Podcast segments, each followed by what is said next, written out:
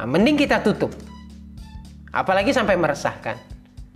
Nah, jadi pastikan menambah ilmu. Yang kedua, menambah kesolehan dan ketaatan.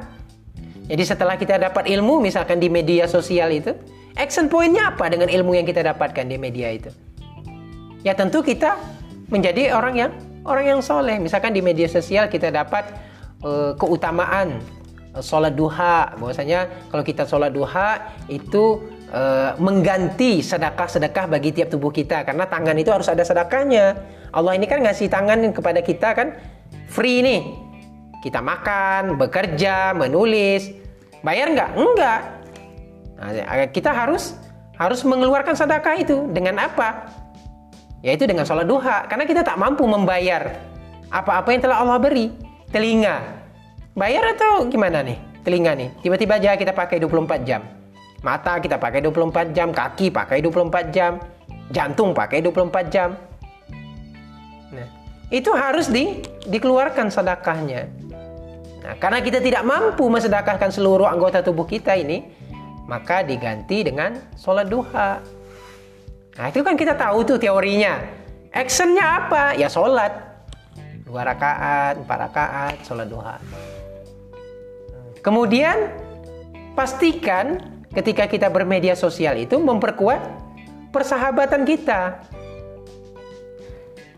Nah, jadi memperkuat persahabatan kita yang tadinya kita tidak kenal menjadi kenal, tidak tahu menjadi tahu. Kemarin itu ada Ustadz uh, Dr. Samsudin Arif. Beliau datang ke Pekanbaru. Jadi beliau itu punya uh, perencanaan untuk membuat silsilah kehidupannya. Jadi siapa neneknya, siapa moyangnya, siapa buyutnya, kemudian siapa sepupunya, dua pupunya, tiga pupunya, empat pupu jadi dia tulis semua dia rangkai. Eh, dia dia di, di Pulau Jawa datang ke Pekanbaru ngisi acara kemarin seminar internasional mencari saudaranya yang tiga pupu atau dua pupu yang dia tidak pernah ketemu dengannya. Dia cari. Nah, dia cari kemudian bersilaturahim. Tak pernah kenal padahal. Maksudnya apa? Mudah-mudahan dengan media sosial itu tadi kita yang tadinya saudara kita jauh, yang kita tidak pernah kenal atau orang yang 40 uh, 20 tahun lalu kita tidak bertemu, justru mempererat, memperkuat. Nah, jadi bukan sebaliknya. Lama tak pernah bertemu eh malah berkecoh pula di sosial media. Jadi memperkuat ukhuwah, persahabatan.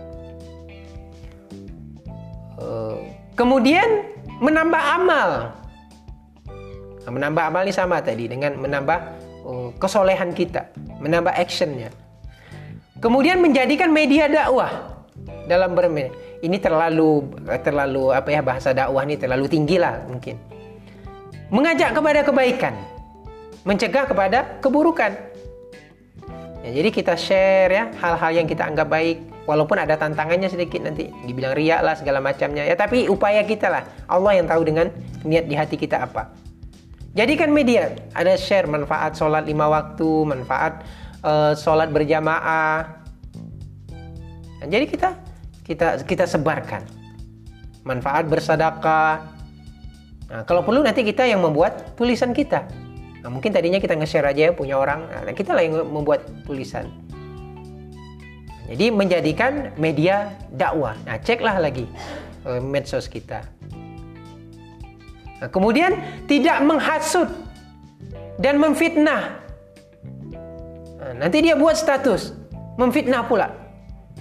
Nah, entah siapa-siapa pula yang dia sebut, nanti tersinggung pula orang yang membaca kan. Nah, jadi tidak tidak menyebarkan fitnah, tidak uh, menghasut, ya. kemudian tidak ghibah.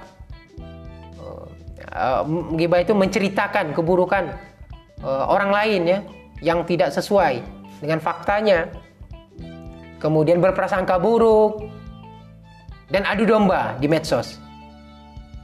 Nah, jadi medsos itu justru lebih banyak lagi kawan ketimbang yang tidak di medsos. Dalam sehari itu kita bisa berteman seribu, bisa berbicara dengan orang seribu, cukup dengan posting. Nah kalaulah kita memposting sesuatu yang tidak baik, hasutan, fitnahan, prasangka buruk, betapa banyak yang kena uh, orang itu terfitnah dan kita sukar untuk mencabut fitnahan kita itu. Kemudian hindari bully. Banyak nih macam-macam macam macam bully ya di medsos itu. Ada orang posting nanti kita membuli dia. Ya, saya tidak mau menyebutkan jenis-jenis uh, bully di sini. Nanti silahkan cari sendiri. Kemudian menghina dan berkata berkata kasar. Ya. Kata-kata yang tak baik itu tiba-tiba diposting aja dalam tiga kata. Pendek memang, tapi orang akan tahu karakter kita. Hanya dengan tiga kata saja, orang tahu siapa kita. Padahal misalkan uh, ada orang itu memposting kata yang kasar, mungkin dia ketika itu emosinya cuma satu menit. Tapi karena dia itu dia posting, maka dia akan kekal di sana. Dan orang akan melihat itulah kehidupan dia sepanjang hari. Karena dia mempermanenkan perilakunya di situ.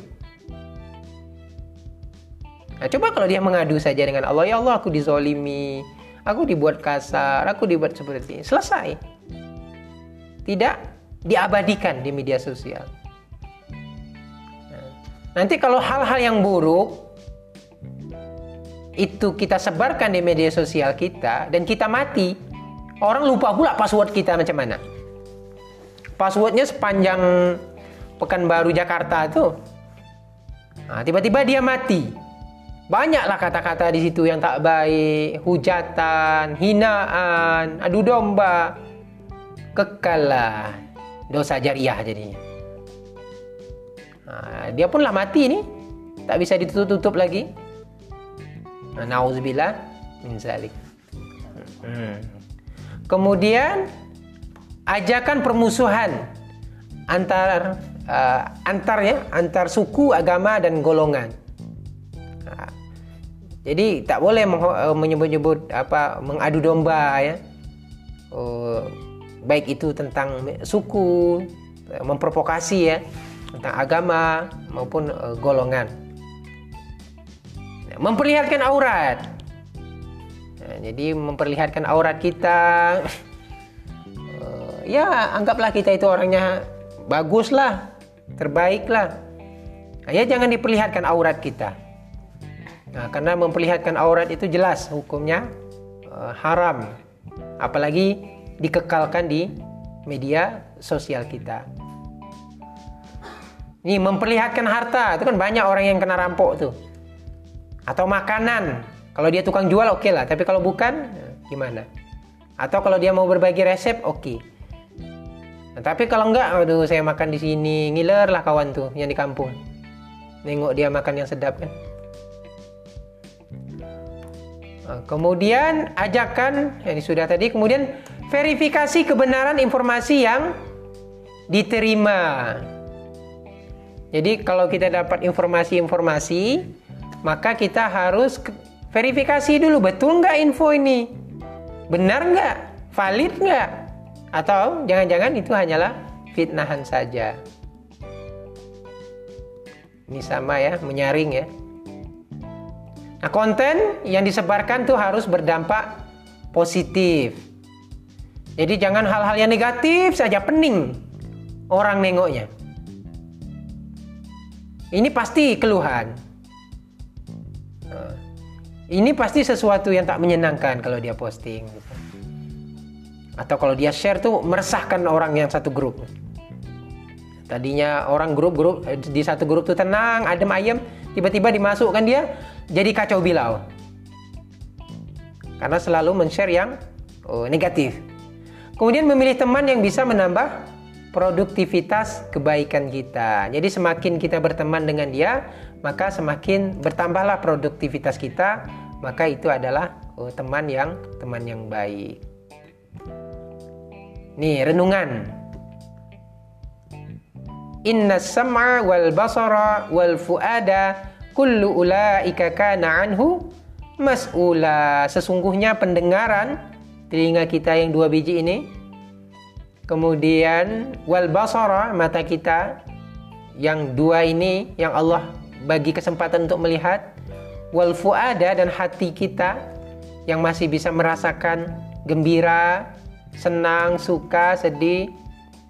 Kullu ulaika semuanya itu akan diminta pertanggungjawaban di akhirat. Ini ilustrasi aja ya, nggak ada orang yang tangannya bertelinga dan bermulut ya, ilustrasi. Jadi pastikan jari-jari kita itu mengetik itu nanti dipinta pertanggungjawabannya. Sanggup gak? Sudah berapa jumlah tangan kita ini mengetik kebaikan? Men-share hal-hal yang positif. Atau sebaliknya sudah berapa jumlah tangan kita memposting hal-hal yang negatif. Nah, jadi itulah beberapa hal berkenaan dengan uh, adab-adab dalam uh, bermedia uh, sosial. Terima kasih. Saya tutup dengan Assalamualaikum warahmatullahi wabarakatuh.